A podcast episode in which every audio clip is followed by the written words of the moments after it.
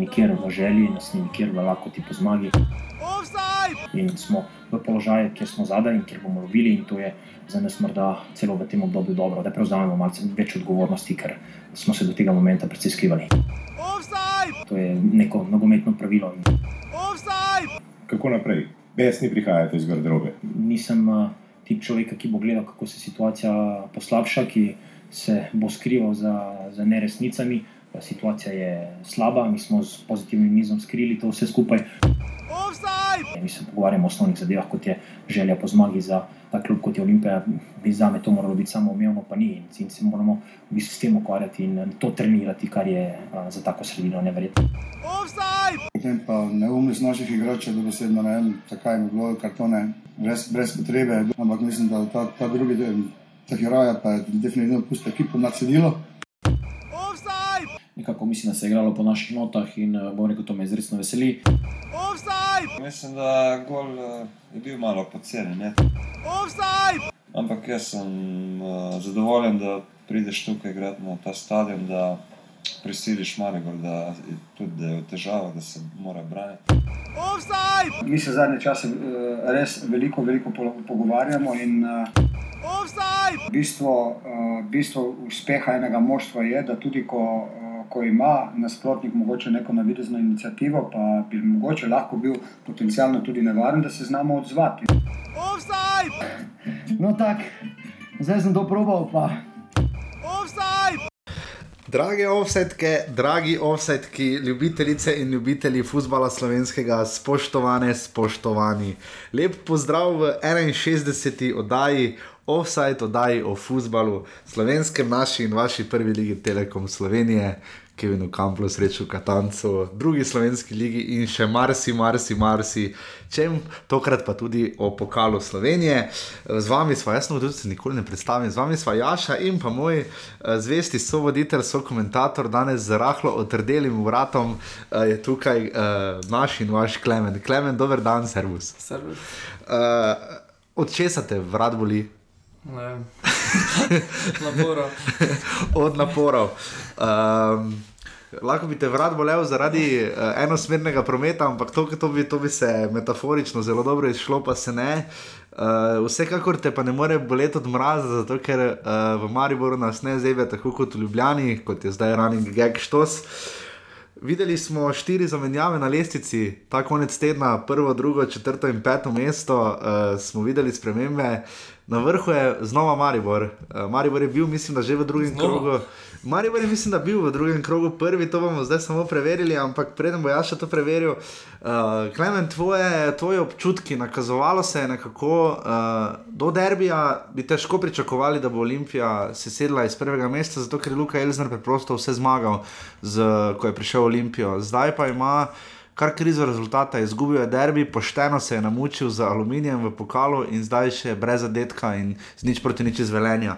Uh, je Maribor pa ob tem tako stabilen? Misliš, kaj, kaj je vplivalo na to, da je Olimpija zdaj tako padla? Ne? Uh, mislim, da je bil tu zelo odločilen uh, poraz v uh, Stožicah, ko zdaj ta derbi bil več kot samo tri točke.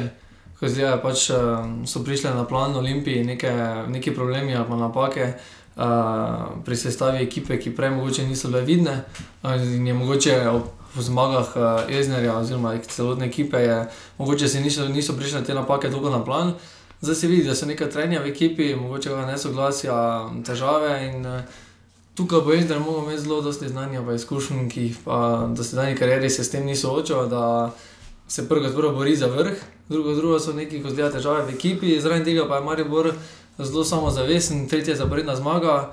Uh, prevzeli so lestvico uh, na prvem mestu, zdaj pa bo uh, Olimpija tista, ki bo lovila uh, Maribor. V primerjavi z lansko sezono bilo vedno znova. Kar je nekaj, ja, kar je nekaj, Olimpija je mogoče celo bolj navajena bila loviti Gorico. Ja. Maribor je letos bil v drugem krogu prvi. Uh, v prvem krogu so bile prve domžale, ki so potem to, ki jim je to uspelo še v petem krogu. Uh, v sedmem krogu je bila na prvem mestu zanimiva Gorica, sicer pa je bila Olimpija 1, 2, 3, 4, 5, 6, 7, 8, 9, 10, mislim, 11 krogov na prvem mestu, oziroma 10 krogov. Na prvem mestu, če sem prav preštel tu nekje.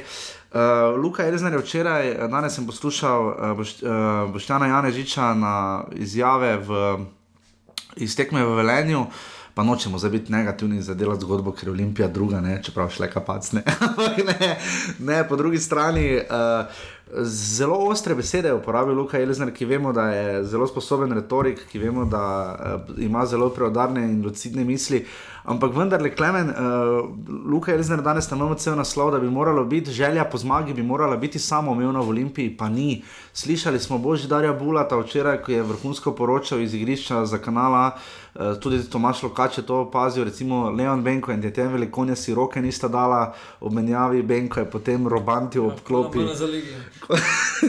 no, to, to je nekaj, kar bolj na MNZ ligi vidimo, odkot ta jeza, ne? ker Benko bi zadnji lahko bil jezen, on igra neverjetno veliko število minut dobiva. ne. Primerjavi, kako, kako pozno se je priključil ekipi, pa je dobil kar eh, redno priložnost pred Velikonijo. Ko zdaj tudi z razlogom, ampak eh, mo- mogoče zdaj se je videlo enostavno, da nima takih najbolj prijateljskega odnosa z Etienjem, tudi, eh, tudi Eleke se enostavno mogoče ni ujel najboljše. em, Potem je tu še Vobaj, ki nekako pride iz devetega plana, proba rešiti, kar se reši da, in potem ne uspe. In po drugi strani imamo pa Proti Ma- Aluminiju je, ne? Proti aluminiju pa je, nek, po drugi strani imamo pa potem Maribor, ki pa je, ki pa je prikazal, tako si sam rekel, stabilno igro, uh, garanje in to, kar je Darko Milanič sam izpostavil. Uh, v ljudskem vrtu, da se veliko pogovarjajo in da imajo zdaj stabilnost v igri, da ne padejo. Ker Gorica je imela recimo nekaj, uh, nekaj, nekaj momentov, ampak do samih tekem v- Velenju in v ljudskem vrtu še pridemo.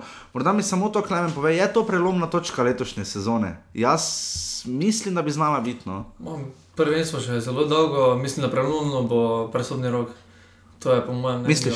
Ja, smo že lani videli pri Olimpiji, koliko je prodala, pa kako se je ekipa spremenila. Lahko to dejansko pri Mariboru zdaj vidimo. Uh, mogoče bo spomladi pri Mariboru to dejansko uh, tudi možno, uh, da bo Maribor uh, poskušal katere igralce prodati. Um, tako da tu zdaj, možno pa tudi, da bo Olimpija okrepila moštvo. ne. Tako da um, mislim, da bo največje spremembe spomladi. Uh, je pa res, da smo videli lani pri Pušniku, da si je tisto rezultatsko uh, prednost priigral že jeseni in uh, spomladi je Vanoli pa potem samo do konca. Nikolič ja, za vzorec. eh, sta pripeljala do konca, tako da dejansko je odloča jesen dosti, ker je več tekem. Dejansko pa po mojem mnenju tudi potrebno pripeljati spomladi za neko drugo ekipo do konca. To. Zdaj, ker Milan Mandarič je, mislim, da ne vem, ali sem to v ekipi, ki je prebral, da Milan Mandarič je nekoliko nezadovoljen. Da, malo je sicer priznal, da se poznajo zdaj prodaje, da se poznajo prodaje v Olimpiji napram lanski sezoni, da se je to tudi poznalo v Evropi. Ja, too little, too late, ne, mislim, morajo vedeti, kaj bo davek prodaje, šporarja, hentija in tako naprej. Ne. Tukaj se je Mari, največji problem Olimpije, pa je, da se je takrat Maribor ni toliko sestavil po tistem eh, porazu po Astani iz, eh, iz kvalifikacije lige Prvako, da ni prišel še na tisto neko optimalno formo. Zdaj pa, ko zgleda ta mašina zalaufala, eh, 14 eh, tekem so imeli brez, brez poraza. Ne, 8. Osem. Osem. Maribor? 8, ja. Osem, zdaj pa Maribor- mislim, da skupaj deset, če, Ja. šteješ pokal pa ga bava. Tako da je to kar nekaj. Ne? Uh, mislim, da je ta serija je res, uh, ko zgleda, uh, dotakla Olimpijo, še po tem derbiju, še toliko bolj. In, uh, in zdaj je enostavno Maribor je samo zavesni in vprašanje, če bo lahko sploh zgubil tekmo uh, v, naslednji, v naslednjem obdobju. Ne? Ja, zdaj nič ne kaže, da bi lahko kaj Marijo vrglo iz tira. Res, da ni premagal Gorice v pokalu, res, da jo je zgolj z ena nič premagal v ljudskem vrtu. Ampak ja, res eh, dobro opažanje Klemna, ne vendar je tu Klemen licenciran uh, couch selektor za razliko od mene. Uh, skratka, to je 61. offside, uh, najdete nas na iTunesu, nekdo nam je uh, dal zelo lepo oceno iTunesih, uh, zelo toplo se priporočamo, da to sto, storite še drugi. Uh, je zelo dobro napisal, da nikoli prej ni spremljal prve lige uh, tako podrobno, da pa znava prinesti občutek tudi iz drugih igrišč, ne samo nujno Maribor Olimpije, čeprav so zdaj tumbala v Mariboru in Olimpije, se potem sledi Matej Oražem Kotiček za domžale in ostale.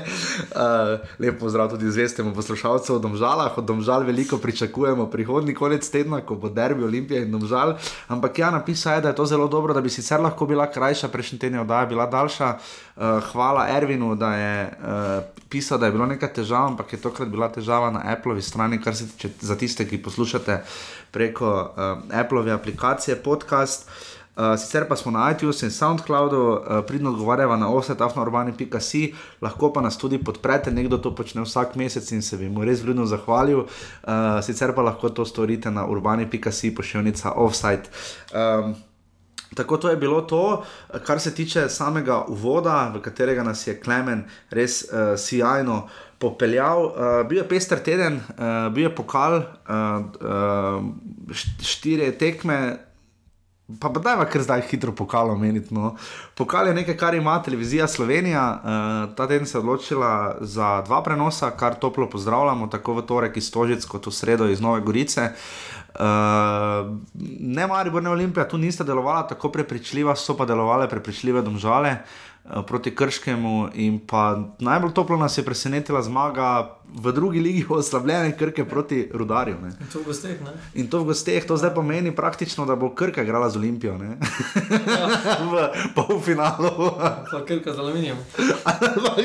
pa Krka z aluminijem. Dejansko je aluminij bil zelo. Uh... Ja. Zelo, zelo solidno so se predstavili v Stožicah, um, res da mogoče Olimpija malo spremenjeno postavo. Uh, vseeno pa Aluminij je držal dober rezultat, na koncu je Velikonja zabil iz, uh, iz penala, uh, vseeno pa z ena nič lahko napreduje. Penal je bil. Ja. Zelo dvomljive situacije so bile. Uh, tam, okay, če ti stoji penal, bi lahko bil tudi v ljudskem vrtu, res za ta v ljudskem vrtu toliko v soboto ni, v soboto ni toliko odločal, bi pa lahko, seveda. Uh, Olimpija je imela res težave z aluminijem. Ne? Aluminij je igral svojo igro, precej zaprt sistem. Uh, Bojan Špehonja je pripravil uh, dobro taktiko, videlo se je, da Luka Elzner je iz domžal prinesel neučinkovitost. Ne? Kar se je potrdilo, potem seveda v Velenju. Ne? Ja, um, mogoče pa tudi velenje, malo se zdi, uh, velenje. Vidimo, videli smo proti Mariboru, da so čist drugačna ekipa, da za te, da za te močne tekme, ko zdaj bolj živijo. Uh, mogoče tudi. Uh, samo četrt finale pokala, bi ja. morala biti močna tekma, pa ja, so izgubili. Ja, zdaj smo imeli pač tekmo za Olimpijo, uh, zdaj je bila to, to jim neka prioriteta. Ja, ampak uh, za Olimpijo, tu nekaj že na pokalu se je videlo to močno vzdušje. Tudi, recimo, kadarkoli pogledam, zdaj se mi zdi, ko kamera pokaže Sebastiana Cimerotiča, ima nekam kislo obraz. Ne. Uh, nekako ni komunikacije v ekipi, ne, da tudi Božji dar Bulat je povedal v Velenju, da to, kar Elzner razlaga, da kot da ga noben ne razume. Ne. Zelo dobra situacija je, vlako je vodišče, ki ima žogo v rokah v Velenju, pa je hotel žogo podati in je rekel, Elzner, klinarja imaš. Pa ga šli volino pet postov. In to se je pokazalo najbolj, se mi zdi, na tekmi z aluminijem, ko so se pa te frustracije začele pojavljati. Ne?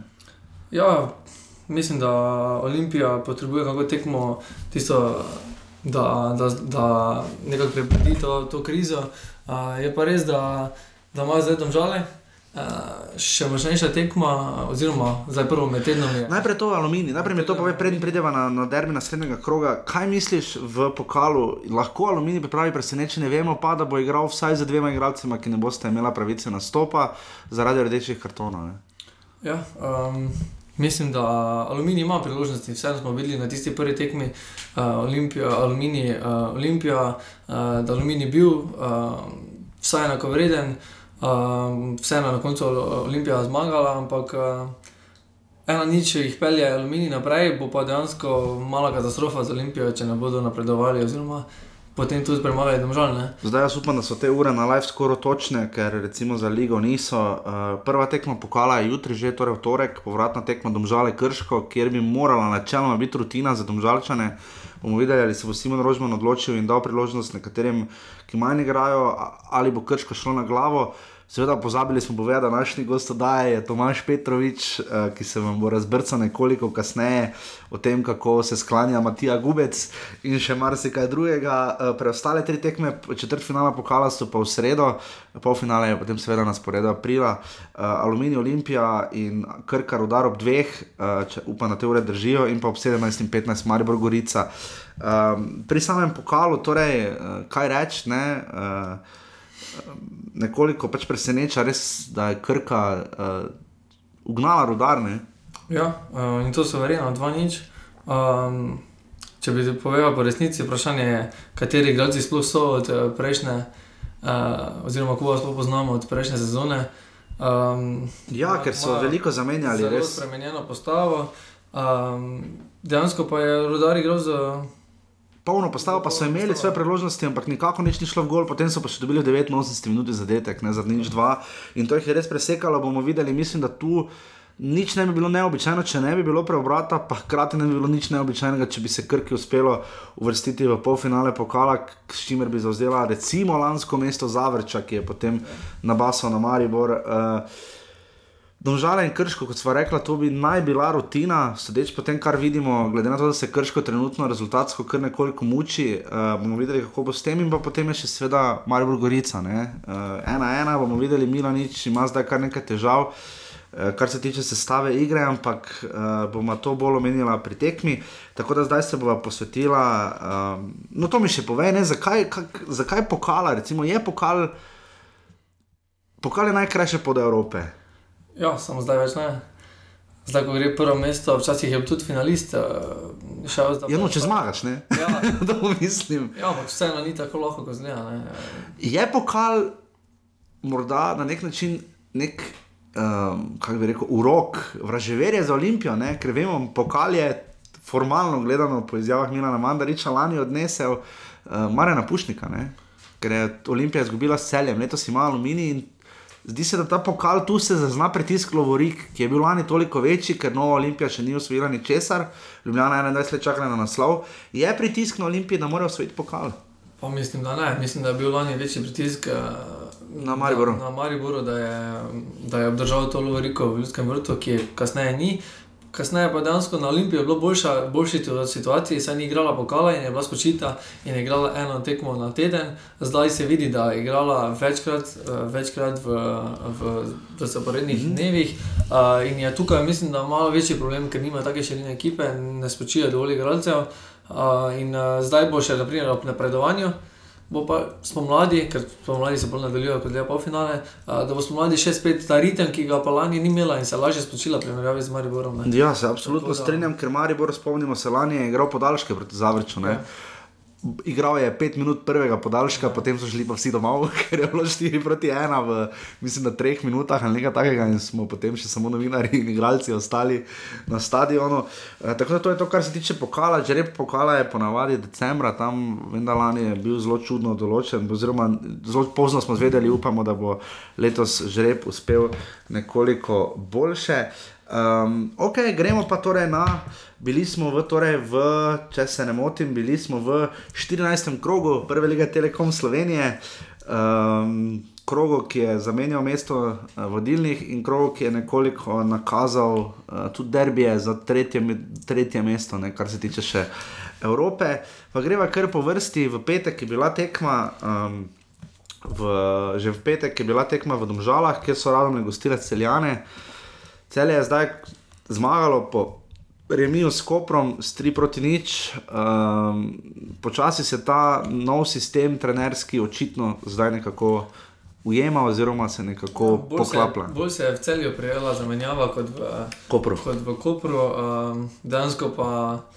Vsi, vse ekipe, ko zdaj tisto slabo formo rešujejo proti Radomljam, ki še v 14 krogih uh, niso uspeli zmagati, uh, zaradi tega še dobijo osmo najrdeči karton uh, in še bilo še težje. Uh, tako da cel je zasluženo osvojilo tri točke in so dejansko kar visoko na lestvici. Um, Zaostalo je sedem točk za Mariborom in uh, tri točke samo za, za tretje mesto, ki bi jih pa tudi peljalo v Evropo. Ne? Gostili smo prejšnji teden Jana Zažilnika, ki je zelo dobro se razgovoril o svoji viziji, kaj, kako in kaj bi lahko radom storile. Vidimo zdaj zanačenost, ne v drugi ligi je Triglav nekoliko padel, zdaj še remiziral in se je dob približal na štiri točke. Zadnjič smo se hecali, da če bi dob osvojil prvo ligo in se tokrat odločil, da bi šel v prvo ligo, bi v Domžalah verjetno imeli turnir, ne? če ne bi radom ne recimo izpadle. Ne? Um, ampak la, na kateri točki bi lahko odpisali radomlje? Težko je sploh uh, razumeti, ko zdaj tekmovati. Ker ne veš, kje sprašujem. Sprašujem, prvi, ki se bo opekel, sploh če sta to slučajno Maribor Olimpija ali pa Domžal, ali pa recimo tudi pogled Krško. Ne? Krško je z radomljem, mislim, celo eno tekmo izgubilo, ne? oziroma ne izgubilo, je remisiralo, ne? ker radomlje so seveda še vedno brez zmage, se vljudno pravičujem, ampak uh, na kateri točki bo radomlje, ne? kaj ti misliš? No? Jaz mislim, da je težko zaradi tega, da je ne igral na domačem stadionu. Uh, lani smo videli v Zavrču, da je bila to zelo velika prednost, ali pa v samem Krškem, uh, ki doma osvaja ogromno točk. Um, Krško je, Krško je prišel šesto, na šestem mestu po domačih, Po domačih tekmah, ja, in pa A, pred v gosteh pa v deveto, ne, tako da je to razlika. ne. A, Dejansko bi kozlija ne da imajo toliko številčno navijače kot Krško, ampak vseeno bi bilo Radomljam ta puš domačega igrišča se zdaj vidi, da res manjka. Ne? res. Uh, Ker so v obeh kategorijah zadnji, seveda ne Tako doma in v gosteh. Ne. Um, jaz mislim, da Radomljam je zelo težko, že po, že po kasneje so sestavili ekipo. Še ta ekipa ni bila dovolj kakovostna, ne igrajo doma in pač rezultat je tukaj, da niso konkurenčni v prvi ligi, še manj kot v prvem obdobju mogoče. Se absolutno strinjam, tri proti nič je bilo torej v Radomljah, v Domžalah, v Radomljah. Škoda, da ne v Radomljah. Ne, včasih se sprašujem, ne, če vse to smo vprašali, gospoda Žilnika. Tako primerljiva sta Kidričevo pa Radomlje, dober trening center, dosti igrišč, uh, zelo fajn, zelo dobra podlaga za mlade, ampak glavno igrišče pa, če lahko v Kidričevem igrajo, pa recimo ni reflektora, naslednji teden se ura premakne, igra je tekma že recimo ob dveh, ne, Aluminij Maribor, zakaj potem Radomlje ne morejo igrati doma, ne? To, to, me, to me čudi, no, to me preseneča nekoliko, no, ampak 200 gledalcev, Matej Podlogar, uh, Jure Traner in Dalibor Volaš so zadeli. Um, celje, ne? kaj bomo rekli še o celju? Ali bodo so celjani nevarni domžalam ne? za tretje mesto? Ne? Ja, cel je, seveda, ekipa ima zelo dobro, zdaj so se počasi sestavili. Uh -huh. Um, je pa res, da mogoče zamenjati ta nasprotnika, ki jim je povrnil neko samozavest. Uh, uh, vseeno pa že štiri tekme so neporaženi. Zato ravno ne. Uh, zadnji poraz so, doseg, uh, so, so, so doživeli proti Olimpiji, uh, naslednja tekmo imajo proti Krškem doma.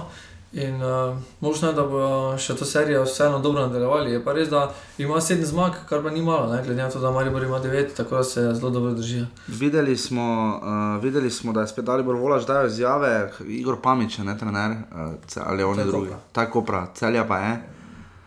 Šo, Ne, nekaj tudi Igor. Ampak skratka, upamo, da, bo, upamo, da bojo uspeli v celju eh, nekako sestaviti. Viš, to je, Igor Jovičevič. Igor Jovičevič, više primka si včasih težko zapomnimo vse kot pri teh menjavah. Upam, da bo Jovičevič nekako znal uh, to stabilno formo pokazati tudi pri boljših tekmecih, ne proti trenutno Mariboru, Olimpiji in Domžalam, ki so pred uh, celjane, seveda. Uh, potem je bila druga tekma, prva sobotna, praktično najbolj razborljiva tekma, zagotovo v tem krogu z naskokom, kar štiri goli so padli. Krško, Koper, Krško, Aluminij, dve proti dve, dva gola sta padla globoko, sodnikovem- podaljšku, mislim, v 92 in 93 minuti.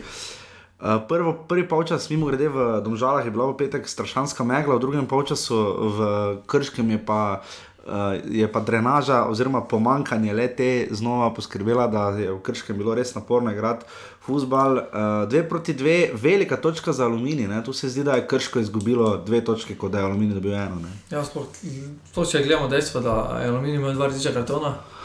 Um, prvega po drugem rumenem, drugi rdeči je ta heraj dobil.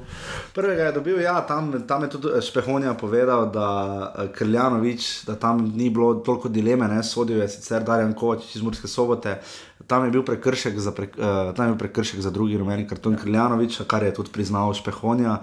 Je pa cenimo pri gospodu Špehoni to, da je rekel, da je bilo nedopustno in da je pustil svoje igralce na cedilu, Francesco Tahiraj, ki je lani igral za Zavrč. Ne. Um, nismo dobro videli, res pa je tudi, da Filip Dangovič se je zelo potrudil, da je Tahiraj dobil rdeči karton. Ne. Pa vsi na klopi. Pa vsi, pa vsi na klopi. Čeprav razumemo, točno je bil pljuvnik, čeprav razumem. Ja, Samo kako se to vidi na. A Ja, veš kaj temno, veš to pa je prednost, ker ima krško temno zelene drese ne, in se verjetno, Možno. viš, da je bil face hakl. Možno pa na to stranski sodnik bil blizu. Je. Stranski ima še pokazati Dangovič, mislim, da je bil Filip Dangovič tam, ampak uh, glede na to, da ta heraj bil vsi tri metre stran, ne, škoda, da ni tako natančen z nogo kot. S čim drugim, ne, to je bilo res na razdalji, pa ne da bi od, obsojali, seveda to grozno, da se je to zgodilo ravno v tem krogu, kjer so vsi igralci uh, dvignili pred začetkom tekme kartone proti diskriminaciji in nasilju. Mi, po mojem, so te kartone sodnikom kazali proti diskriminaciji in te kazali. nasilju. To je proti sodniškemu nasilju, proti kateremu se bori tudi oddaja offset, oddaja opus. ampak uh, ne glede na to, dva manj. Krško da gol, uh, da gol v 92 minuti, ga Dangovič stisne, potem pa zeba v 95 po totalnem fliperju. Ne. Kako si to razlagaš? Ti? Zeba je kar nekaj zadetkov že dosegel, uh, je prvi strelec uh, aluminija. Uh, Ja, pričakovali smo, to, da bo to bizjak, ne? ampak je trenutno, mislim, še vedno poškodovan pri Aluminiju. Ja, zdaj pa je dobil že štiri zadetke. Uh, glede na to, da je štoper, je v 14 tekmah to dobro. To je res dober dosežek. Glede na to, da na primer, je kar nekaj zabil, Pa je zabil napadalec, pet, ne, ja. Pa pet zabil. ne. Pa je pet, je to kar dobro. pa da je prvi strelec Maribora, ima pet golov. ne. Ja. Tudi recimo. Ampak to ne gre nič. On nič ne igra, do Sanja Omrega, seveda še pridemo. Uh, Klemen, uh, ta situacija zdaj krško in uh, krško je imelo res slab konec tedna, ker je po vrhu še rodar točko snede v Olimpiji, ne? oziroma dve, kakorkoli ja. obrnemo. Ne? Tukaj bi med seboj nastala 13-14 točka, 8 in 9 na lestvici. In če bi krško zadržala ta 2-1, bi se malo odlepilo od tega, in uh, sedaj pač niso mogli, krško je že 4 tekme brez eh, zmage. Ja. Uh, in to je mali, mali problem. Uh, na zadnje so zmagali eh, v 11. krogu Uh -huh, torej, štiri kroge nazaj. Ja. um, proti Rudaru. Uh -huh. Um, aluminij pa vseeno, uh, deveto mesto je zadržal, ki pa na koncu jih vseeno vodi v dodatne kvalifikacije. In ne pozabimo, Aluminij je doma s 3 proti nič premagal kr krško. Ne? Uh, Aluminij je premagal krško s 3 proti nič, z Radomljami so igrali 2 proti 2 in zdaj so igrali še 2 proti 2 z Aluminijem. Torej, krško ima z neposrednima tekmecema. Uh, so doma premagali, dva na prejšnji krog. ja, so pa premagali, ampak morda, uh, uh, morda še ta ocena. Zdaj pa pride Dora Zranga, Maribor. Zdaj pride pa dobra stranka Aluminiju, Ja. uh, ki je seveda z 2 proti nič premagal Maribor v Ljudskem vrtu in, in ima še Olimpijo v pokalu, kot smo prej omenili, ampak morda. Uh, Pri Kopru, vidimo, pri Kopru vidimo ta občutek, da do Kopra seveda še prijemo, da bi Koper lahko zanihal in bi se mu sesula sezona, bolj kot rudarjev. No? Gledam za to, koga bi radi aluminij potegnil dol, oziroma se prijavil za nekoga in ga držal v, tem, uh, v tej dilemi za deveto mesto. Ne? Ja, največji problem, ko pravi, da ima ambicije. Ne? Ima ambicije. Je lahko to problem. Ja, ampak je problem, ker ima zelo velike ambicije. Ampak to so anti-šimunča ambicije. Ja, Imajo problem biti ambicije, ambicije imajo zelo velike, da pridejo v Evropo in bodo to naredili na, na lepa, pa na hiter način. Oni želijo na zelo hitro priti. Ja, pokal. Z nekimi igralci, ne govorim v ligi, ne. Ja, z ja. nekimi igralci hočejo hit, na hiter način uh, pridobiti, uh, pridobiti točke. Tu trenera so zamenjali, ampak vidimo, da na hitro v nogometu ne gre. Da ne glede na ambicije ali pa denar, žal ne gre. Ne, uh, Predvsem pa je pomembno, kot so že pri Radomljah ugotavljala, podpora domačega okolja Tako, ja. in navijačev, te zagotovo ima krško. Več se vam bo pa zdaj uh, razbrcal Tomaš Petrovič, ki vam bo razložil med drugim tudi to, kako je sprejel mariborske fante, ki so prišli v krško, kako je delati z njimi, kak, uh, kakšne ambicije imajo krčani, kako vidijo drugo ligo, eh, iz katere so seveda predlani prišli in jo osvojili, in ali lahko ponovijo zdaj že tretjo zaporedno uh, res uspešno pomlad, tako da zdaj se vam bo razbrcal Tomaš Petrovič, mi pa potem nadaljujemo z uh, 14. krogom.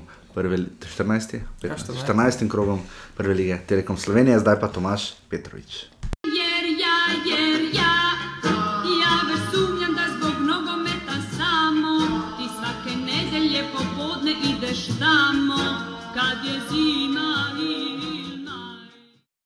Tako v Novič, uh, po približno skoraj da letu dni je naš gost znova Tomaš Petrovič, trener nogometnega kluba Krško, kluba, ki je lani uh, spisal uh, skoraj da pravljico, letos pa uh, se nič manj uh, ne uh, dogaja v Krškem uh, in okrog po državi, kamorkoli Krško gre, čeprav je zdaj že skoraj da mantra in sindrom, ker vsi vemo, da Krško najraje igra pred svojimi zvestimi navijači, ki jim je veliko eh, pripomogla tudi igra varovancev Tomaža Petroviča. Gospod Petrovič, pozdravljeni. Um, ne moremo najprej mimo praktično derbija za 8-9 mesto, ki ste ga včeraj imeli, zelo pestra tekma. Prva liga je našla za kar 6 minut vrhuncev uh, tekme Aluminija in Krškega, 2 proti 2 je bilo pri vas. Uh, je ta tekma bila vendarle kaj posebnega v tem napornem ritmu, glede na situacijo na lestvici? Pa, dobro, seveda veliko, veliko igralcev, pa tudi ljudi se seveda obremenjuje. Uh, jaz posebno sem na to tekmo gledal tako kot na vse ostale. Uh -huh. Pa skušamo vedno razmišljati v tej smeri, da, da smo čim bližje svojemu maksimumu. Uh, in potem, seveda, predvsem je treba na vsaki tekmi iskati točke. Nič ne bi pomagalo, zdaj, če bi včeraj zmagal, pa če jih potem izgubiš na en korak tekem. Tako da tudi, rekel, ni, ni bilo čuti tudi na igrišču kakšnih posebnih emocij z ene pa z druge strani. Je bila pa tekma, uh, jaz mislim, da zelo zanimiva, čez do konca, tako da na koncu je rezultat 2-2. In uh, Nekako ste vi ponavadi strokovnjaki za gole v zadnjih minutah, vse ste ga tokrat tudi dali, ste ga pa dobili. Eh, Kako ocenjujete aluminij? Eh, Letos nimate ravno najboljših rezultatov, recimo proti aluminiju in radomljam, klubom, za katere se zdi, da bi jih krško, pod narekovaji, seveda, moralo zadržati vse na remiju ali jih praktično redno premagovati, glede na to, kakšno sezono ste imeli lani. Ja, ampak mm -hmm. treba pa biti realen, pa vedeti, da je naša ekipa po- povsem drugačna, kot je bila lani. Uh -huh. Uh, če, če se gre malo statistično skozi, se vidi, uh, kakšni igralci so prišli, tako da seveda smo zelo mladi, pa tudi večina igralcev za zelo malo kilometrine v, v prvi ligi, pa tudi v drugi ligi. Uh -huh. Uh, na drugi strani Aluminij za mene je zelo sposobna ekipa, uh, sploh uh, fizično hitri, močni. Mislim, da po tem pogledu spada v, zgornji del lestvice. Uh, jasno pa je, da jim seveda primanjkuje malo nogometne kvalitete, da bi, da bi tam dejansko bili. Uh -huh.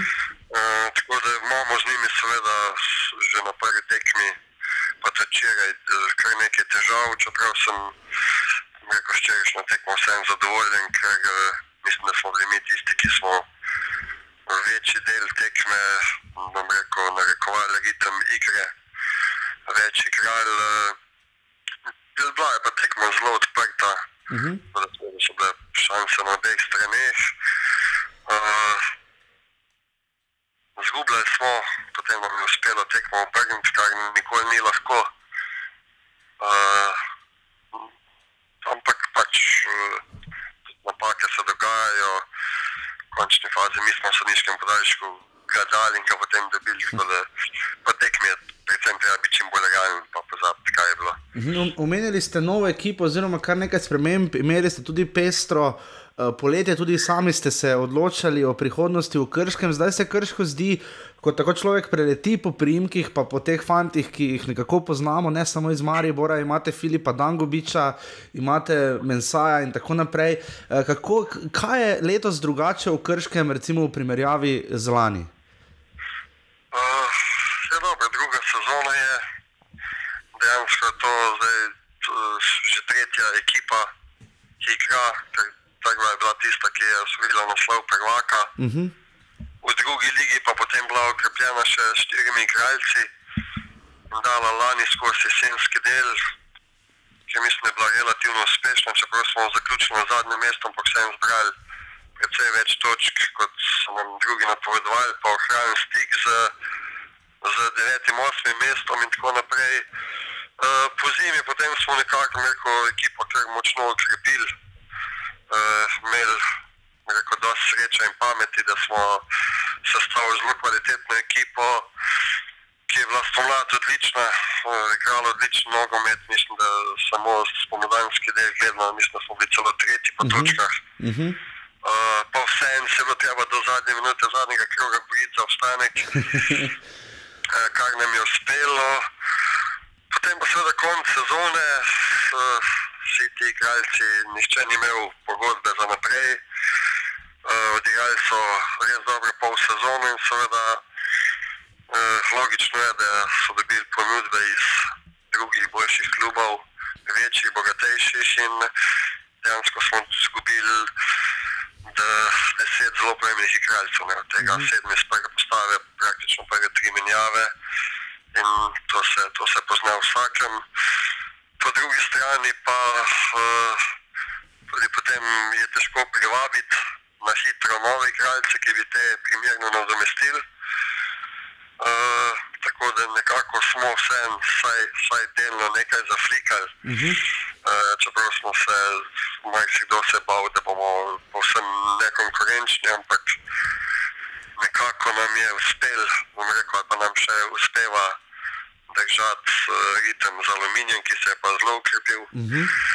Uh, pobegim tradomljam, tako da na koncu smo zelo zadovoljni. Uh, čeprav seveda jaz osebno bi se želel še marsikaj več, no, ampak ena realnost, druga so želje. Uh, Privabili smo v klub tudi uh, tujega investitorja, Mhm. ki nam finančno pomaga, so pa seveda želje tudi z njihove strani, uh, čim mlajši igralci, ki, ki bi bili zanimivi potem na dolgi rok ali pa tudi na kratki za prodajo. Uh, ampak vemo, da zaenkrat uh, nekih pravih uh, osvežitev ali pa da bi zdaj bili kakšni res izjemni igralci, uh, ki bi delali strašno razliko, je še najbolj dejansko unovčil zaenkrat Dangovič. ne. Mhm, Ja, zakaj je, zakaj je tako gibljiv v, v, vaši, eh, v vaši sredini? Saj je tudi lani zelo opozarjal nas pri Krki, uh, ampak se zdi, da pri vas pa še bolj izžareva to svojo kreativnost in sposobnost uh, v konici napada, oziroma zelo visoko zgoraj. Ne? Uh, mi dejansko se zavedamo vseh svojih omejitev in poskušamo, oziroma vemo, da moramo iz vsakega fanta potegniti res maksimum. Uh, podobno, mislim, da smo spomladi Svotiča, Mhm. je dejansko bil eden najboljših igralcev. Uh, pa recimo, seveda tudi ostali, Volarič je pri nas blestev. Uh, Mhm. Žinko in tako naprej, čeprav seveda ne pomeni, da zdaj ne blestijo. Uh, Dangovič se pač pri nas mislim, da dobro počuti, nekako skozi pogovore, skozi treninge smo ugotovili, kakšen način igre tudi bi bil najbolj ustrezen za vse skupaj, da bi mi čim bolj funkcionirali in mislim, da nam je to uspelo. In za moje osebno mnenje, da je Dangovič en najboljših igralcev, potem kar jaz vidim Mhm. uh, v tej sezoni. Uh, dejansko je dal skupaj s pokalom že sedem golov. Mhm. Uh, Včeraj spet eno vrhunsko asistenco, mislim, da ima že kar nekaj, pa mu jih uradno prva liga, mislim, da celo eno ali dve uh, ni štela. Uh, recimo v Radomljah je uh, penali silo, tako da pa tudi v igri, rekel, v sami gradni napada, enako defenzive, enostavno za moje pojme blesti in ima jaz upam, da res uh, sjajna prihodnost. Uh, dejansko pa tudi uh, za svoje leto zelo zrel in uh, zelo motiviran. Tako da n- nam je užitek z njim delati, on pa nekako to res uh, vrača in zaenkrat vesti. Imate morda kdaj občutek, da ste na nek način druga mlada reprezentanca, oziroma nek poligon za preizkušanje igralcev, ki so, bodi si je tu Tim Čeh, bodi si so tu fanti iz Maribora. Je tu kaj navezave z drugimi klubi, oziroma zakaj menite, da se je tako, da se je zlasti Maribor odločil, ko zdaj pogledate nazaj za sodelovanje z, za sodelovanje z Krškim in z vami? Ne? Uh, zdaj, kar se Maribora tiče, moram reči, že, že prve tekme naprej, lani v ljudskem vrtu, se pravi v petem krogu, so bili zelo, zelo profesionalni, pa po drugi strani prijateljski odnosi. To smo nekako po zimi nadgradili. Uh, jaz osebno, seveda, to, da sem kar precej le delal v mlajših selekcijah, tudi prej v drugih klubih, številne fante poznam, pa sem jih treniral, tako da sem vedel, da bi lahko pri nas mogoče eksplodirala, pa bi dodana vrednost. Uh, to se je potem tudi pokazalo.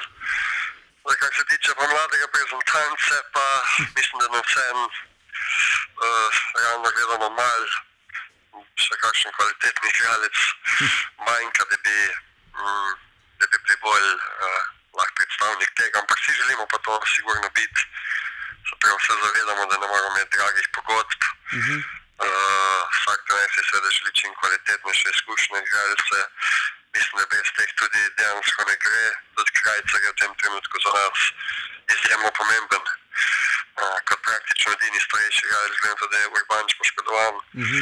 Uh, tako da se trudimo, pa poskušamo čim bolj nekako sestavljenko sestaviti na ta način, da smo či, čim bližje, čim bližje temu, da lahko redno osvajamo točke. Kako ste pa sprejeli, oziroma kakšna navodila ste dali fantom, to bo seveda zanimalo, predvsem mariborske poslušalce, ker Dino Hotič je lani imel spomladi tako dobro in uh, omembe vredno sezono, zdaj se je včeraj dobil novo priložnost, ampak nekoliko teže nabira minute. Vukliševič se je prelevil v praktično izjemnega štoperja, ki uh, zelo rad pomaga pri kotih in predložkih. Kako ste sprejeli te fante, oziroma kako so se oni znašli konkretno v Krškem? Ne? Uh, sicer so seveda med vsakim med njimi razlike, Uh -huh. vsak je svoja osebnost, ampak mislim, da že strani Maribora je bilo zelo veliko narejenega v tem, da, da je njim jasno, zakaj se pri vsem skupaj gre, da tam vsaj v začetni fazi težko igrajo. Uh, po drugi strani imajo možnost igrati prvo ligo, če si seveda to pri nas izborijo, ker garancij z naše strani ni bilo za nobenega. Uh -huh. Uh, potem pa seveda smo pa tudi mi s vsakim posebej pogovorili in povem, povemo, kaj si želimo, na kakšen način vidimo uh, funkcioniranje vsakega posameznika izven igrišča, potem tudi znotraj same igre in seveda eni se znajdejo boljši, drugi slabše, ampak uh, mislim, da ko potegnemo črto, da cel kup mladih fantov dejansko se, se je že do zdaj v krškem dokazal. Ne moremo mimo dobrega nastopa, zlasti v osmini finala pokala, zdaj ste naleteli na domžale. Eh, Veliko krat vam pride ritem do živega, ampak to rešujejo po svoje navijači. Eh, Kako je z njimi, kakšen je. Ni, še vedno ni pritiska, se zdi v Krškem, to je vsaj občutek na razdaljo, češ da morate zmagati na vsaki domači tekmi. Pa še imate eno oviro, ne igrišče v Krškem, kadarkoli je malo slabše vreme, pa ima letos res težave. Ja, kar se igrišča tiče, mi pravimo, da je to najboljše igrišče v Sloveniji brez drenaže. tako, tako da to se niti drugi ne zavedajo. Pa mislijo, da včasih kaj za nalašč naredimo, dejansko igrišče odlično, ja pa res, da kadar so padavine, se ne da nič narediti, ker voda ne uteka. Ne. Tudi včeraj je bilo, rekel, potem zelo mehko, čeprav glede na vse skupaj, pa mislim, še zmeraj odlično. Ne. Uh, Tako da, kar se tiče pokala, seveda, Krško kar nekaj let v pokalu ali ga ni bilo, ali pa se nič ni naredilo. Tako da, letos smo imeli željo, rekel sem, en korak, dva narediti naprej. Uh, tako da, tista četrtfinalna tekmo smo res odigrali zelo dobro, kvalitetne srcem, prišli v četrtfinale, kar mi je prvič v zgodovini kluba, kar je sigurno uspeh. Uh, dejansko pa seveda potem nekje so meje, tudi žreb ni bil najboljši. Uh -huh. Uh, tako da, čeprav nismo odigrali slabo v torek, ampak enostavno so bile domžale premočne. Volerič je, Volerič je pokazal svojo kvaliteto, sem zelo vesel za njega. Uh, drugače pa kar se tiče ritma tekem, eh, seveda zdaj starejši igralci, tudi če mogoče niso pripravljeni, ima tako kilometrino za sabo, da lažje igrajo v ritmu. Ne. Uh -huh. Mlajši igralci teže razporejajo moči znotraj eh, ene tekme, kaj šle znotraj več tekem. Eh, Dejansko smo tudi ekipa, ki mora na tekmi dati maksimum, da lahko rekel, sanjamo recimo o zmagi. Ne? Uh, vidimo, katere tekme smo zmagali, vemo, da smo bili zelo blizu tega, pa še nasprotnik mogoče ni bil klik bestev. To je realnost, ne? mi težko zmagamo, da smo mi slabi. Moramo tudi sami se o tem pogovarjati, mi moramo biti na maksimumu, pa potem vemo, da bomo za vsakega neugodno, ampak še marsikaj se mora poklopiti. ne. Um, so pa gledalci, pa navijači, seveda, brez njih ta podpora se čuti. Mislim, da največji pritisk si delamo sami. Uh -huh. Uh, tudi jaz osebno, je pač sem tip trener, ki želi zmagovati. Uh, mislim, da vsak pravi športnik mora sam sebi narediti največji pritisk. Potem, ko gledalci, seveda, po vseh teh letih, uh, ob teh domačih igralcih, pa tudi teh ostalih, ki pridejo, se zavedajo realnosti. Ne? Mhm. In, uh, uh, so, so objektivni, seveda tudi so včasih kakšni negativni komentarji, pa bi kdo mislil, da moramo biti v zgornjem delu lestvice. Ampak večina pa zelo realnih in se zaveda, da je vsaka točka dejansko za nas kar uspeh. Ne? Uh, in sploh, če se potem trudimo, dajemo maksimum, to cenijo in nekako dvigujemo eni druge in upam, da bo, da bo to šlo naprej, da nam tudi letos, bom rekel, nekako uspe sezono spraviti pod streho in ostati v ligi. Ne. Mhm, Morda proti koncu, kakšna bi bila vaša ocena, uh, glede na stanje na letošnji lestvici, Rudar in Koper uh, imata mm, nove lastnike, nekatere spremembe so, tu je zdaj tudi celje, ta agencijski princip nogometa, ampak se vidi, da na rezultatu se to še ne pozna. Letos sta Rudar in Koper po točkah vam zaenkrat še precej blizu, pa po drugi strani, če pogledamo Zavrč in Krka, ki sta lani imela tudi zavidljive rezultate v prvi ligi, pa sta se zdaj znašla na dnu, recimo, oziroma sta precej pri dnu druge lige. Kako vidite to realnost slovenskega nogometa, to fluidnost, ki enkrat si gor, enkrat si dol? Ne? Ja, se strinjam, tudi neko, če gledamo zgodovinsko, od osamosvomitve naprej, dejansko klubi pridejo, grejo ali pa propadajo. Tako da številni klubi so bili v prvi ligi, pa jih danes, rekel, ni čist v vrhu prve, druge lige. Pa bodo verjetno slej, ko prej spet se nekdo pojavil, recimo vidimo tretja liga na vzhodu, Mura, Nafta, Betinci Mhm. so z- zelo močni, tako da verjamem, da tudi tisti, ki bo ta prišla v drugo ligo, bo to drugo leto spet v vrhu. Uh, kar kaj nekaj let, seveda, rekel, je bila konkurenčna, zdaj je žal izpadla, seveda potem zmanjka verjetno neke energije, uh, mogoče tudi denarja, pa kadrovanja, da bi se takoj vrnila zaveč, je sploh posebna zgodba, po svoje zelo škoda. Ne? Uh, tako da dejansko, kar se nas tiče, treba biti pošten pa povedati, da je bilo lani težje. Ne? Ker lani smo bili mi, mislim, da prav ta vikend uh, uh, smo izgubili derbi s Krško, pa bili prikovani na zadnjo mesto. Uh, Zavrč sploh si bil za mene izjemna ekipa z ogromnim potencialom. Uh, letos se nekako radomlje še niso znašli, čeprav mislim, da slejko prej bo tudi osvile točke, ker dejansko po igri niso tako slabe, kot, kot kaže lestica. Mogoče treba pač stvari spremeniti, pa tudi oni začeli točke osvajati. Aluminij je prišel z druge lige, ampak to ekipo ima kar nekaj let že, pa zdaj je še zelo ukrepil, tudi številni igralci iz Zavrča, tako da so močni. Mi smo tukaj, se po svoje borimo, medtem ko vsi ostali, je rodaj, Koper, mislim, da so vse en premočni, eh, premočne ekipe, ki trenutno ne znajo tega izkoristiti. Mislim, da bi morali imeti precej več točk, ampak jih nimajo.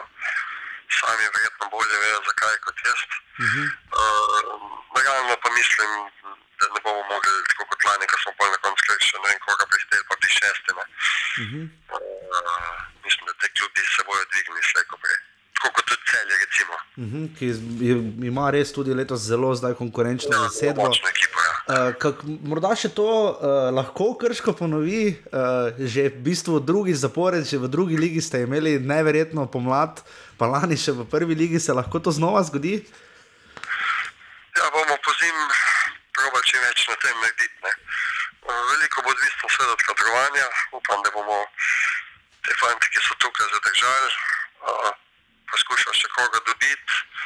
Uh, predvsem pa bomo, vemo, da je delo tisto, ki, ki mora v našem primeru narediti razliko, poleg navijačev in bomo skozi zimske mesece sigurno čim več delali. Tako da, da spomladko, kot sem rekel, poskušamo sezono pripeljati do konca. Ne. In še za konec, ko greste zdaj za svojo ekipo gor in dol po državi, uh, imate občutek, kje, da je krško zdaj bolj znano po nogometu kot po Speedwayu? Uh, pa ja, mislim, da se da vsi nas zdaj že kar neko tretirajo kot nekega resnega prvoligaša ali pa enostavno se čuti, da vsi vejo, kaj smo v zadnjih letih naredili in to tudi cenijo, tako da se, se čuti, da, da smo naredili ta preskok in da smo zdaj v tem pogledu nekako enakopraven član in uh, se, se, se vidi, da, da pač prepoznavnost sigurno je. In na koncu še eno, res za konec, še eno slavnično vprašanje. Je stadion Matija Gubec ali stadion Matije Gubca? Dobro vprašanje. ja, zdaj odvisno je bolj stvar slovenščine, ne, pa sklanjatve. Zdaj, stadion Matija Gupcar, ne, pač Matija Gubec. Ne?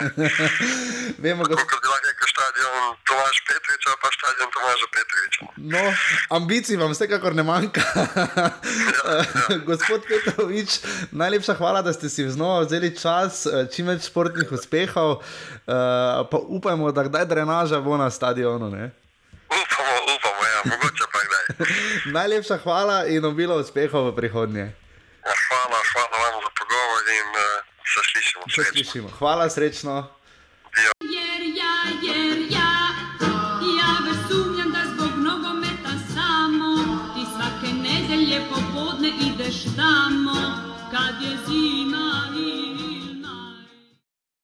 Tako, to je bil Tomaš Petrovič. Uh, upali smo, da bomo v tem krogu dobili koga iz uh, Velenskega rudarja, s- uh, ampak nam žal noben nič ni odpisal. Računali smo na Dominika Glavino, še vedno prvega streljca. eh, Liga z osmimi goli, ne, ker naenkrat je te, zdaj res tako kruto zgleda, lesica streljcev, nekaj glavina jih ima osem, kaj pa potem dalje pa uh, samo da. Šestih je zabil. Miha Zajc, ja, pa potem pa Marko Alvir, nekaj, ja. Marko Alvir, Slobodan Vuk, Sanja Moregi in Sander Čon imajo pet zadetkov, Langobič še pet. pa Dangobič, kak, če pa tu ne piše pet. O, to jaz drugo statistiko. Aha, verjetno ja. Uh, ja, pri Dangobiču je, veš kaj, to je Tomaš Petrovič opozoril v intervjuju, da mu asistence tudi ene dveh niso šteli, pa take finte. Uh, zanimivo tu pri tem je, da recimo Sander Čon ni igral ta konec tedna, je prišel s klopi, Omoregi ni prišel s klopi, Slobodan Vuk pa lovi Zlatan Ljubljankiča pri Domžalah, ne? Uh, en gol mu še manjka, Domžalčani res skrbno vodijo to statistiko, jih moramo res pohvaliti, uh, pa še vedno so seveda nesporni kralji v mladinskih selekcijah, kjer že pridno harajo, kot so to počeli lani, tako da vsekakor eh, nekaj v Domžalah počnejo zelo prav. Zelo prav pa so to počeli tudi uh, na Bonifiki, ker jih zgodnje vodstvo Kopra v drugi minuti, taki res pritisk Koprčanov je bil na Bonifiki, uh, gol je dosegel, Klemen ve na pamet njegovo ime. Piko sem, to primek, glavnic. To si tako zelo prepričljivo povedal. Njega seveda prvi gol, glede na to, da nikad čuli. Ne? V drugi minuti. V drugi minuti dobro je Koper tisto stisnil, vse sedeč po highlightsih. Ja, imajo tudi več posesti, priložnosti, ampak vseeno um, zadetka sta tista, ki sta jih zdaj presekala.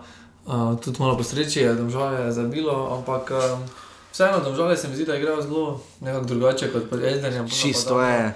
Um, trenutno najbolj, uh, najbolj kar, vo, kar ne bom rekel, ravno, da bode v oči, je pa vsekakor uh, najbolj izrazito v tem trenutku. Je sicer to, da imajo domžale najboljšo gol razliko. ne. Uh, imajo plus 15 zadetkov, uh, zdali so jih pa z naskokom največ, ne? dali so jih 31 in jih 16 prejeli, Marijo je dal 26 zadetkov, Olimpija 20, ne? recimo Rudar pa že potem 18. Uh, pod, od tega jih je kaj, več kot pol pod Simonom Rožmanom, ker so jih dali takrat v enem tednu 10 ali 12 ali koliko. Uh, domžale, uh, odlično igrajo tudi v modrem, malo tako čudno je, vedno domžale gledati, ko imajo modre drese. Uh, ampak domžalčani so res kompaktna, stabilna ekipa, Gabr Dobrovoljci, zdaj dva zadetka.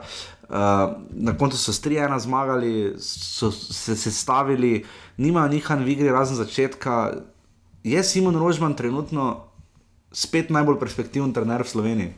Pa, mislim, da, mislim, da je eh, perspektiven zato, ker je tu dobro ekipo, ki je bila že dobro sestavljena. Oni enostavno sestavijo tako, oziroma njihova taktika sloni na presingu, na zelo napadalni, eh, zelo napadalno so usmerjeni. Samo eh, če je taka razlika primerjavi z Elznerjem. Ja, eh, ampak so podobni igralci. Ne? Dejansko, dejansko mogoče tudi od takrat, ko je, eh, ko je prišel kot pomočnik.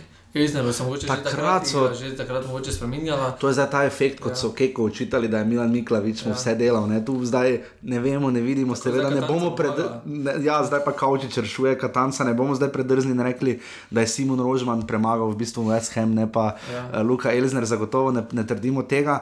Pravijo pa rečejo, oziroma strinjajo pa se verjetno lahko, da je taktika Simona Rožmana, glede na primerjavi z Elznerjem, ki imamo zdaj neposredno primerjavo ja. in najboljšo bomo dobili v soboto, ampak Uh, ti igralci delujejo tako sproščeno, mislim, da žale tisti Horvatov, Horvatov gol tam, ne, ko je uh, šla žoga čez Simčiča. Ne.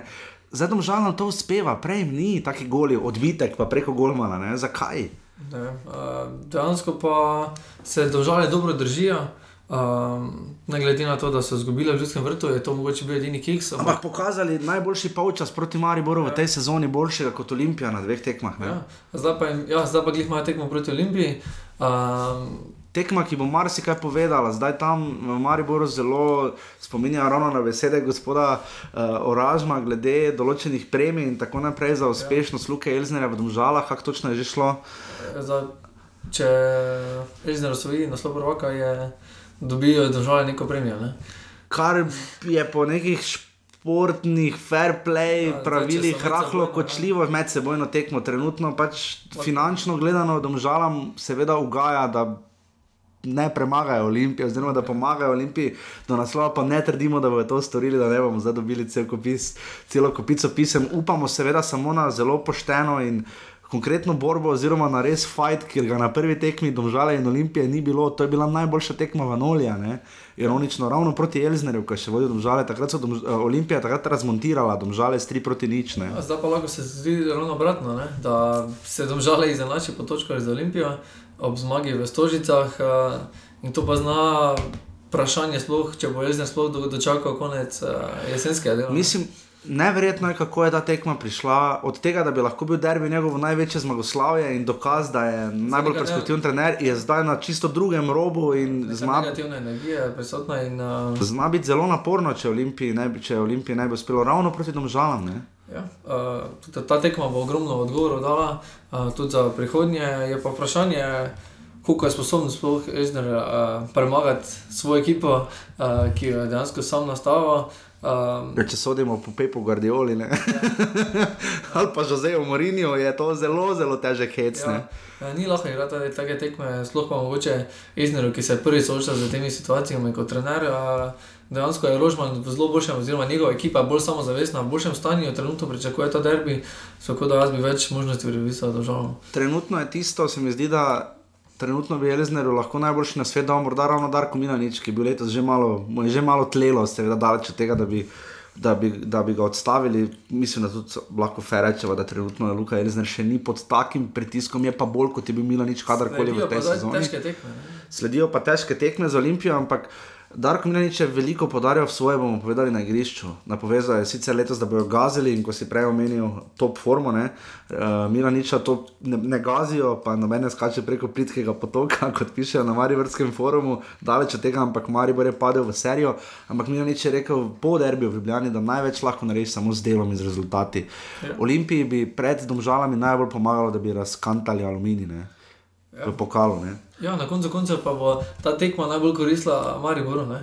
ki bo dejansko dobil aluminij, ki bo mogoče utrujen, a, ne bo imel toliko možnosti za rotacijo. Podobno je Ljudskem pozorni, vrtu, bodimo podobno je že v pozorni. Vrtu, ampak če gledamo zdaj Olimpijo, v zadnjih dveh krogih osvojila eno točko, Maribor šest točk, če še doda za aluminij, ampak pa Olimpija ne zmaga, je tu kaj se bo začela delati zelo velika razlika in uh, Olimpija si ne sme privoščiti, da bi si nabrala nek ve večji zaostanek za Mariborom. Ne? In pa domžalam po West Hamu ležijo stožice, plus lani so domžalčani eno tekmo, mislim, da dobili gladko v stožicah. E, tako da Koper domžale, kot rečeno, ena proti tri. E, morda pri Kopru še omeniva, torej ti praviš, da bojo ustrajali pri tem ambiciji, samo rezultatov ni. Ne? Ja, Oni že ambicije- imajo. Jaz mislim, da ta ambicija Evropa, glede na to, da na lesici niso niti blizu ne, Evrope, mm -hmm. eh, so to zelo nerealni cilji. Mislim, da je to bolj problem za trenerje, ki morajo to izpolniti. Uh, videli smo pri uh, že zamenjavi trenera, ki je, bila, ki je bila po njihovo nujno napadalna, ampak zdaj vidimo, da tega napadalnega Kopra tudi zdaj ne vidimo. Res, da po dveh tekmah je zelo težko soditi, ampak vseeno, Koper je šesti, 18 točk, za Evropo zaostaja 8 točk.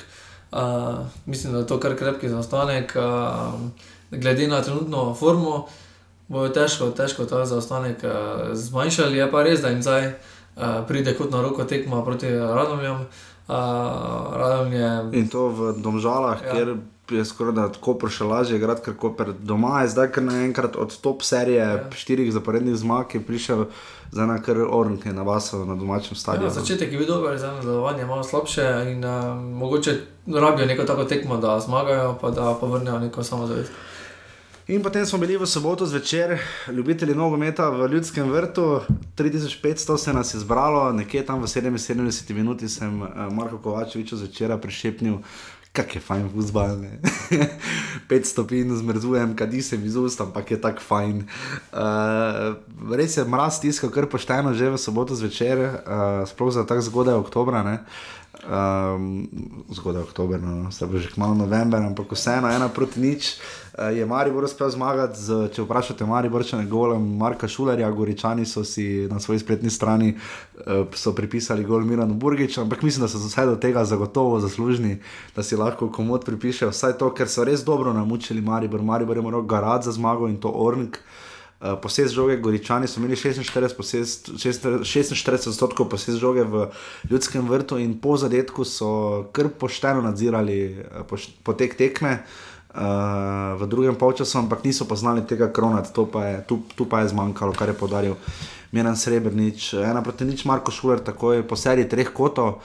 Um, In Maribor je dobil tri točke v, kot temu radi rečemo, pravi prvenstveni tekmi.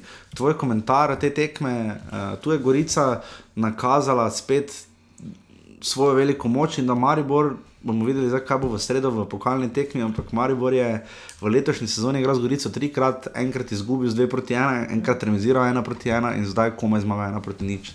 Ja, vendar vseeno Gorica ni bila tako nevarna, kot bi mogoče lahko pričakovali. Um, Maribor je vseeno dosegel tretjo zaporedno zmago. Um, zdaj še enkrat zadnjič se srečajo v sredo, ja. v, sredo v Ljudskem vrtu. Um, ne glede na trenutno situacijo, je Maribor v prednosti. Uh, mislim, da se lahko več rotira, tudi je v Gorici rotiral. Uh, videli smo zamenjavo na vrtarskem mestu. Uh, ja, vprašal sem jaz, da kam je nič v petek pred to tekmo, po tekmi v pokalu, pa pred prvenstveno. Uh, kako komentira, pač uh, dobre dobro brane Matko Bradovič, ja. tam pri zadetku Andreja Kotnika, ki je zelo opozoril na se, ne samo s tem zadetkom, zdaj še prečko, pa v ljudskem vrtu je zelo dobro driblo. Čeprav je Miren Srebrenic opozoril, da je fajn če mlad in uh, Uh, mislim, da me je Dejan Mitrovič spomnil, da so nekateri igralci Gorice parkrat bili malo jezni na njega, ker je mogoče kakšna podaja šla mimo, ker je mogoče včasih ja. želel preveč sam. Ampak da se vrnem na Matka Obradoviča, Matko Obradovič bo branil vse tekme v pokalu s finalom vred, če sem prav razumel, nič, če se bo mali brž seveda tja uvrstil. Uh, zdaj brani Jasmin Hadanovič, ki ima nekoliko manj dela, uh, Milan je zamenjal 8 igralcev po derbiju, pa spet 8 igralcev za, tekmo, za drugo tekmo z Gorico. Torej, rotacija uspeva, ne? plus. Naenkrat vidimo, da je na mezgu, ki se segreva tik pred začetkom tekme, potem ko je bil Dare Vršič v prvi postavi, Dare Vršič je v zadnjem strelu. Pa je res zadnji strel, ki ga je udaril na gol, pred na koncu segrevanja, je začutil bolečino v mišici, šel v slačilnico, rekel: trener, jaz ne morem. Ne. Ja, prva menjava, že so že mogli narediti pred uh, začetkom tekme. Um... In ravno na poziciji Pihler in Bohar sta poškodovana, kar je pomenilo prerotacijo, da je Mezga šel na desno, Dino Hotič šel na vrh sredine. Uh, kak si ti videl? Ja, uh, mislim, da so malo kondicijsko padli. Uh mhm. -huh. zaradi, mogoče tudi zaradi tega, ker sta oba bila pričakovana. Mogoče en bil pričakovan na klopi kot Hotič, uh, oba sta mogoče tudi fizično kasneje padla. Ker mes ga je igral 180 minut. Ne? Ja, in tukaj se je videlo, da pa tisti 50, 55, 60 minut je enostavno mogoče tempo tudi uh, malo padel pri njima. Uh, zato se je tudi uh, odločil za zamenjavo Hotiča. Ampak le me tu eno trenersko vprašanje za tebe, oziroma ker si bolj v tem not, zakaj igralci, ki igrajo v vrednem ritmu, so manj utrujeni, kot oni, ki pridejo vsake toliko not. Kot je tista kondicija, katera naredi že kot v, tekma, v tekmi, zelo boljšo fizično pripravo, mezga pa nasploh se vidi, da je kasneje se priključil in uh, malo počasi uh, še, še potrebuje nekaj časa, da pride do tiste optimalne forme, tudi hotiče malo manj igral kot prej, uh, kot zdaj se dve tekmi bilo preveč za njega, prej bi mogoče tudi poškodovan, tako da je bila logična zamenjava, da bo še odprej ven kot uh, Mezga. Na koncu koncev pa je bilo spet Zahovič kot Joker, ki se je zelo izkazal, ne? tam ja. je z Mezgo lepo ja. kombinirala, dala Novakoviču, Novako, Mili Voj Novakovič, to je bila pa slaba plat zmage Maribora, Mili Voj Novakovič ima dva zicer, en pol zicer. Uh, in spet zapravil, ne? on bolje sam, slabše je. Ne? Če gledamo, kak je Eurogol, je evro, gol pod narekovaji, sta spravila skupaj s Tavaresem v uh, Stožicah. Ne? Ja, kar nekaj priložnosti ima Novakovič, uh, kot zdaj še Maribor. Še čaka, da se bo tudi eh, njemu odprlo, na drugi strani pa Zahovič kar redno zabija. Uh, tudi zabija pokalo v, ja. v Gorici. In to iz nič, ne. Tam ja, je res bilo iz nič. Zahovičem sta lepo izigrala. Uh, mislim pa, da je tu manjkala neka tista tretja manjava. Um, ja, Sanja, vprašali smo, uh, vprašanje je bilo v, v ljudskem vrtu po tekmi, kaj je sanjem. Ne? Ki ima še vedno pet golov, kar malo spravlja, nerodno spravlja Maribor toliko, ker je bila, mislim, da to šesta tekma v tej sezoni, ko napad ni dal zadetka, ne. uh, kar ni malo število, glede na to, da smo v 14. krogu, pa če še štejemo tri, dve tekmi pokala. Ne. Um, In je pač Milanič rekel, da je dobro začel, da ni na stranskem, da to ne pomeni, da, da ker ne igra na stranskem tiru, ampak da je konkurenca toliko večja. Ne. Ja, uh, zdaj so pač mogoče tiste tekme v pokalu za njega bolj uh, primerne. A Zdaj vidimo, da Zahovič kot Joker, ko zdaj bolj ustreza, v prvi postaji pa ima prednost, Tavares pa lahko več. tako da Je pa res, da so štiri kvalitetni napadalci in težko je vsem pač uh, dati priložnost. Uh, Zelo sta se izkazala Erik Janža in tudi Matej Palčič uh, kot prodorna igralca, ker je Gorica zelo strnila sredino in Mariboru so sploh v prvem času ostali visoki predložki ali pa strelijo daleč. Ne? Kar smo letos parkrat že videli. Uh, sicer tekmo Maribor ima, če ima Maribor kaj trenutno, ima zelo stabilno obrambo. Uh, tu so štoperski pari, res zelo igrani. Uh, Darko Minič je zelo recimo, pohvalil Aleša Mertla, ki je prvič letos pohigral na svoji originalni poziciji zadnjega veznega in je res odigral dobro tekmo v Gorici. Uh, vidi se, da tokrat rotacija v primerjavi takrat z Evropo, ne, ko je Maribor nabasal na Gorico in Aluminij in izgubil dve tekmi zapored, pa že predtem v Domžalah. eh, Da se je znašel, uh, Milanič je pa podaril, da smo prišli od idilične situacije v malo manj idilično, ne, ko je ostal kar brez treh zelo pomembnih členov sredine. Ne. Ja, ampak mislim, da vseeno imajo toliko kvalitetne zamenjave, da to ne sme vplivati na rezultat. Zakaj pa misliš, da je Miran Srebrenic rekel po tekmi, da ko je bilo vprašanje, ali je Maribor toliko tekaško superioren napram Gorici, pa se Miran Srebrenic s tem ni strinjal. On je rekel, da tu ni problem. In jaz, potem ko sem tako pomislil, se je res, saj Maribor ni pretekel, pod narekovaji Gorice. Ne? Ma, je pa Zmagal je imel- golu Skota, ne? Je pa vseeno imel več priložnosti v, v, sami, v sami igri. Ne? Tudi 15 Novakovič- strelov, ja. Tudi Novakovič je kar nekaj priložnosti, eh, res konkretnih za pravo. Um, tako da je bil Hananovič dejansko brez Praktično, razen- posredovanja. ja. Skoraj dano tam s- trije streli so bili oddaleč, dva kotnika in je ne na izbil iz, koncu. eh, Arčona pa Miran Burgič je še izbil z golove črte. Um, Miran Srebrenic je povedal, da verjamejo v zmago v sredo, v preobrat, zato bojo morali narediti nekaj, kar jim eh, v soboto ni uspelo, morali bodo dati vsaj en gol. Ne? Morda, zato- morda so zato sklopi šele vstopili v Suđi, Sandy Arčon in pa Tilen Godek, ki načeloma veljajo za bolj napadalno usmerjene igralce. Uh, kaj ti misliš? Misliš, da lahko Gorica preseneti Maribor? Vprašanje je tudi, eh, s kakšno ekipo bo igral Maribor, če bo podobno ekipo igral kot v Gorici. eh, Možno pa je vse, ena, ena, odprto, vseeno, Maribor pa ustreza rezultat, saj brez zadetkov napreduje. Mi imamo samo eno prošnjo, sam ne bo daljško.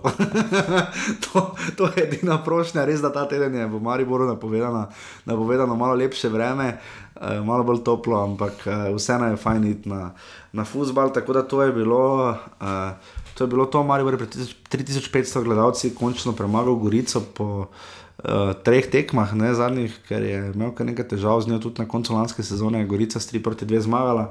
Moramo, moramo seveda opozoriti na Grego Sorčana, ki še vedno vrhunsko brani. Tudi nasploh pri Gorici, pač Srebrenic je res povedal, da jim manjka tisto nekaj malo, ne? tisto res malo jim zmanjka.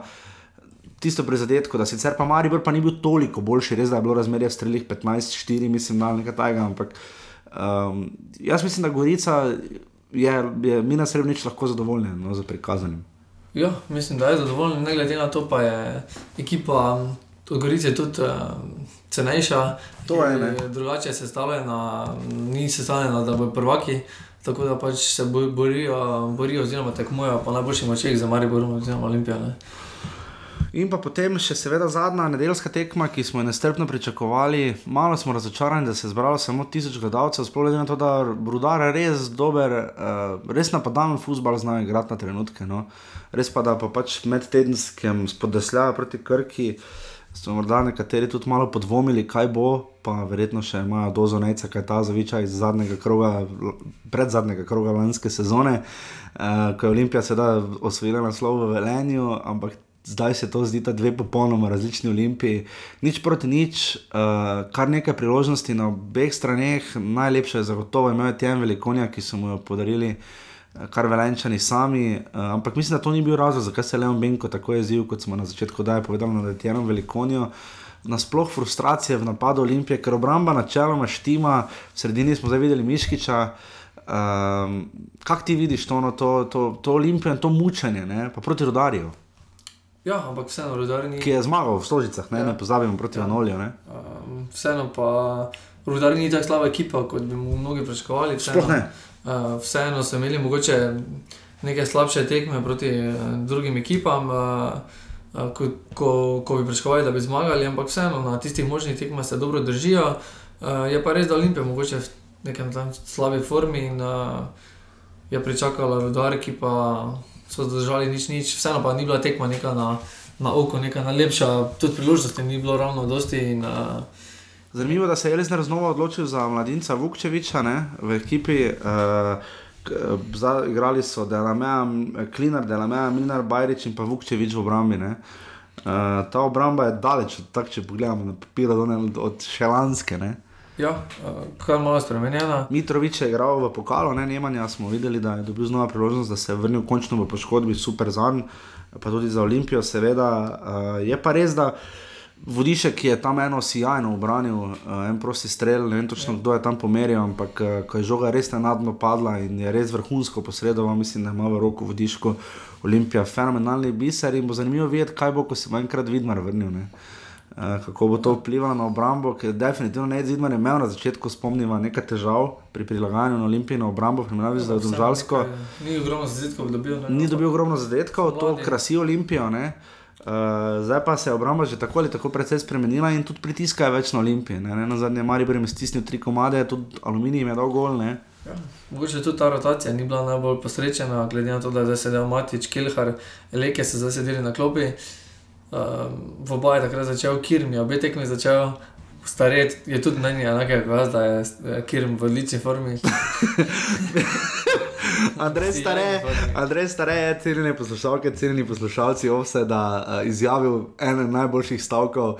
Namreč uh, razsvetlil nas je z mislijo, zelo preudarno mislijo, da je stožiška zelenica fenomenalno pripravljena in da in da igralci ne morejo imeti nobenih izgovorov.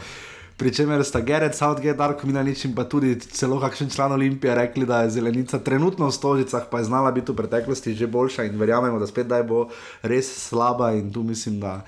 Mislim, da ne glede na to, da smo debatirali, smo malo s Andrejem Starejem, pride za super anekdotami, recimo tisto, da je bila tekma Aluminija in Olimpije 40 let nazaj prekinjena zaradi množičnega pretepa. Te stvari so zelo zanimive. Zanimivo je tudi, da Andrej Starej šteje, da igramo 65 pokale. Republike Slovenije.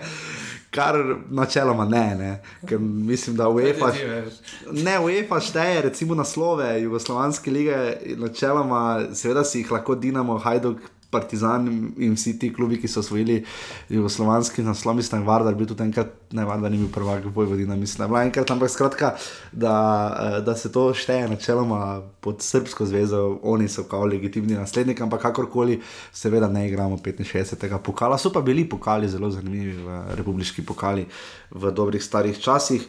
Um, kot je bil tudi slovenski, ampak ja, skratka, Andraš Kirm ni v tako dobri formi, še manj, še manj bi lahko se prilagodil občasnemu.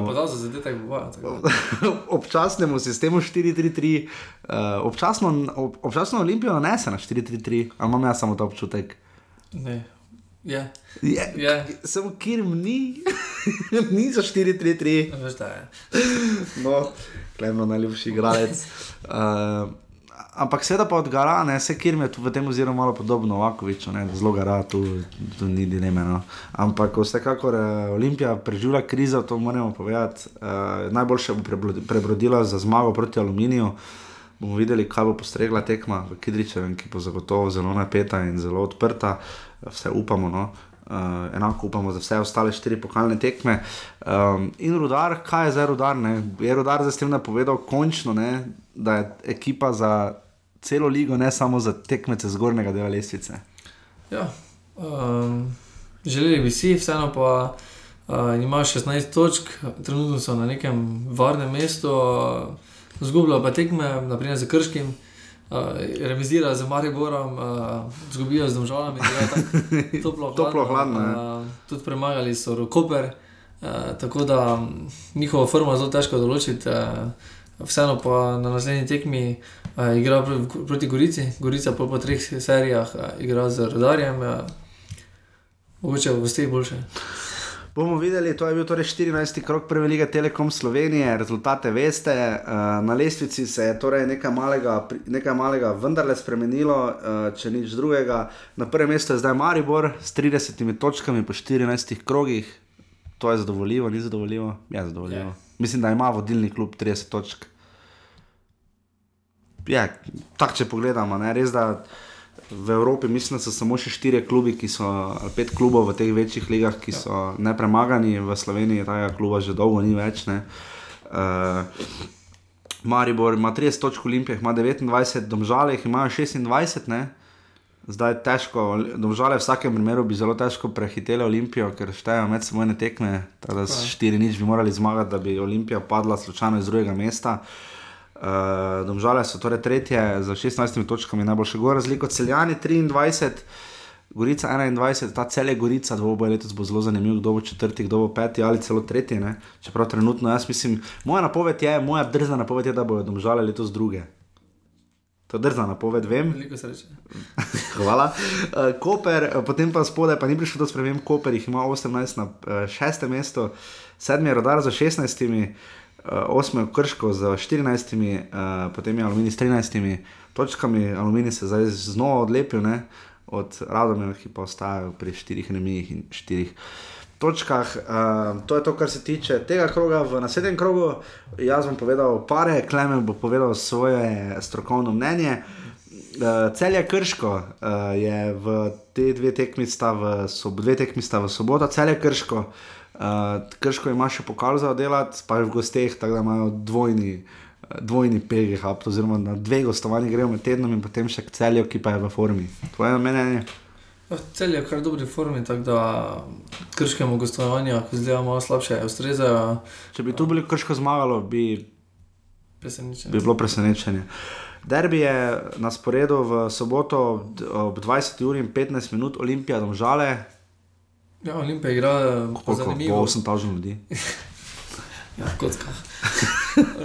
upamo, upamo, ne upamo, da bo res čim več gledalcev. Jaz mislim, da si to derbi zasluži. Uh, veš, kaj mi je bilo zelo všeč? Uh, proti koncu tekme Rudara Olimpije včeraj. Je, imel, je imela tekma Olimpija, Rudar Olimpija, skoraj da dvakrat več komentarjev pod tekstom na MMC, recimo kot tekma Chelsea in Manchester United. Ne? Kar pomeni, kam je prišla Slovenska liga, ker še tri leta nazaj bi bilo ravno obratno. ne. Uh, Ampak uh, Olimpija, domžale, Ja, tekma trenerjev. Zanimivo, Olimpija zdaj uh, igra prva, kasneje igra za njimi drugi dan Maribor. Maribor, tako ja. da Olimpija lahko po drugi strani ponovno prevzame vodstvo in bo potem Maribor spet tisti, ki jih lahko prehiti. Um, vseeno pa bo točkovno in uh, veliki derbi na, klop, na klopi. Ja. tekma, s katero si Luka Erzner lahko kupi mir, lahko pa ogromno pritiska. ne.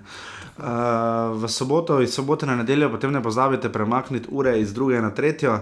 Uh, in nekdo je napisal na forumu, da se bo ta ura premaknila med tekmo ob dveh, pa treh, ko igrata Aluminij in Maribor.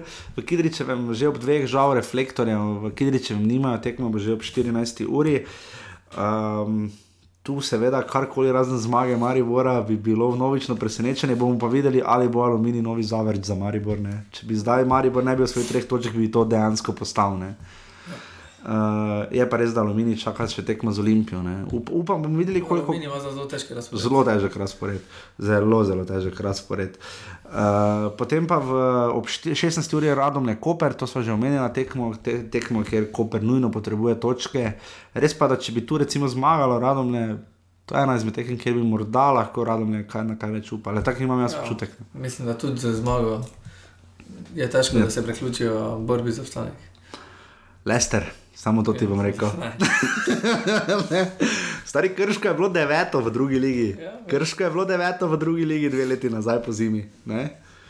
In pa potem zadnja tekma ob 18. uri v Novogoriškem športnem parku. Upamo, da bodo terorbojci prišli točno na tekmo, tokrat so se nam pridružili v Ljudskem vrtu.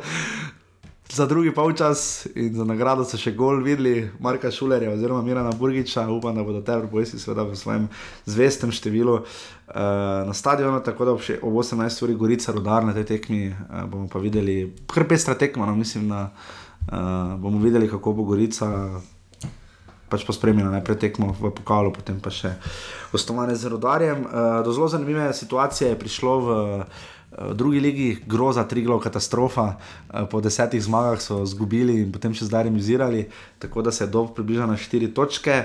Uh, derbi so videli, v, samo zdaj ja še že pospravil, derbi pred 700 gledalci, kar je glede na, glede na število gledalcev to, v 14. krogu prve lige. Ne, Beltinci, odranci, je bilo 700 gledalcev na tekmi, uh, za primerjavo, toliko se jih je zbralo v Radomljah, v Domžalah, na tekmi Radomlje celje in pa v Kopru proti Domžalah skupaj. Ne. Kar definitivno kaže na to, kako, kako popularen je nogomet v Prekmorju, če damo te številke za primerjavo, in pa tudi v Krškem je padlo malo obisk, tokrat 550 gledalcev in pa 1000 gledalcev v Velenju. Tako da to je to. Um, sicer zelo odmeven intervju, zelo odmevna intervjuja sta v minulem tednu za časnik ekipa dala tako kapetan reprezentance Boštjan Cesar in Kevin Campbell. Moram sam priznati, da sta mi bila intervjuja zelo všeč zelo osebna, marsikaj smo zvedeli. Uh, recimo, ne bi si nikoli mislil, da sta Kampel pa oblak komunicirala ne, uh, po telefonu v vse te afere, ampak um, skočili smo na lesici FIFA, kar precej. Klemen, kako se ti počutiš ob tem jubilejnem, slovesnem trenutku? Navdušen. Ja. Uh, to je, kar se tiče reprezentance. Vidimo, da naši fanti pridno zbirajo asistence v ligah, uh, v tujini. Uh, Uh, zdaj sem se spomnil, kaj sem prejšnji vodaj hotel reči, tako se pa na koncu nisem. Ne, sem se spomnil že med tednom, ampak uh, spomnil sem se, da, da, da še dobro, da, da ne igra Slovenija z Malto v ljudskem vrtu, da igra na Malti, uh, ker, pade derbi, ker pade tekma slovenske reprezentance na Martinovo. tako da 11. 11. je tekma Slovenije in Malte, uh, ko bomo več zvedeli o, kdo bo poklican. Zanimivo bo pa tudi videti, uh, kaj bo zdaj z mlado reprezentanco, ali bo prišlo do kakšne trenerske zamenjave. Primož Gliha se je ni ravno proslavil s tem, da je na tekmi proti Srbiji dal v enesterico sedem branilcev. Ne. To je vse bizarno, če ne še kaj več. Uh, mislim, da so to poteze, za katere bi nekateri morali odgovarjati. Mi smo prošnjo na NZS za intervju s Primožem Gliho poslali pred približno mesecem in pol nazaj pa žal več kot uh, enega srčka od PR-ovca zveze, do zdaj še nismo dobili, tako da še vedno čakamo na kakršne koli. Uh, upamo na kakršen koli intervju z mlado reprezentanco ali pa seveda tudi z člansko, ampak do takrat seveda pridno spremljamo prvo ligo Telekom Slovenije. Uh, Lahko nam pišete, koga bi si želeli v oddaji na offsetafnormane.si, res zbiramo toplo predloge, radi bi zajeli čim večje število klubov. To nam je res dalo misliti, ko nas je spodbudil gospod Oražem, tako da smo se tokrat posvetili Krškemu, upali smo, da se bomo rodarili. Um, tako da te klube bomo zdaj kar pridno obdelovali, pa seveda tudi, da ne bo vse samo Maribor in Olimpija, sploh zdaj po derbiju. Uh, ta teden je pokal, uh, Klemen med tem bere svoj horoskop. Kaj si po horoskopu, Klemen? Škorpion. Škorpion, opa. Opa. opa. opa. Ne vem, ja, nekaj moš reči, ne. Želva. Ne? No, no. uh, tako da to je to, dolžna smo vam še redno rubriko. Uh, dolžna smo vam še redno rubriko. Uh, 36, 36 offsajdov imajo domžale, 5 so jih naštancali, tako, ne, ne, 5 jih je nekdo drug naštancal, 31 jih imajo, ne, to je napak.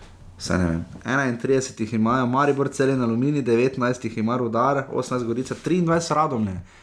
Najverjetno, da so Radomne četrte po offsajdih, ne.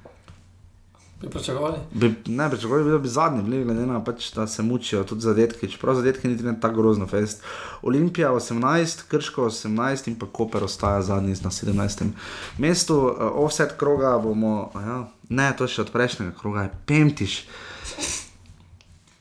38, imamo žale. Ne znam to povedati, ker to pešaša dela. 38, ostade imajo žale, 36, celje, Maribor in Aluminij jih imata po 32, uh, Rudar 30, Gorica 29, Radom je 25. Olimpija 20 in Krško 20, Koper pa je zbral en offset, tako konec tedna in jih ima 18.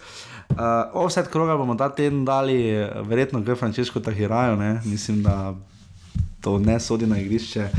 Um, hude žvižge so dobili, sodniki, kar precejšnje žvižge so dobili, da je Balažič in ekipa v ljudskem vrtu, kar je nekoliko presenetljivo, glede na to, da na tehnični Marijo Gorice ni bilo niti enega kartona. Ne.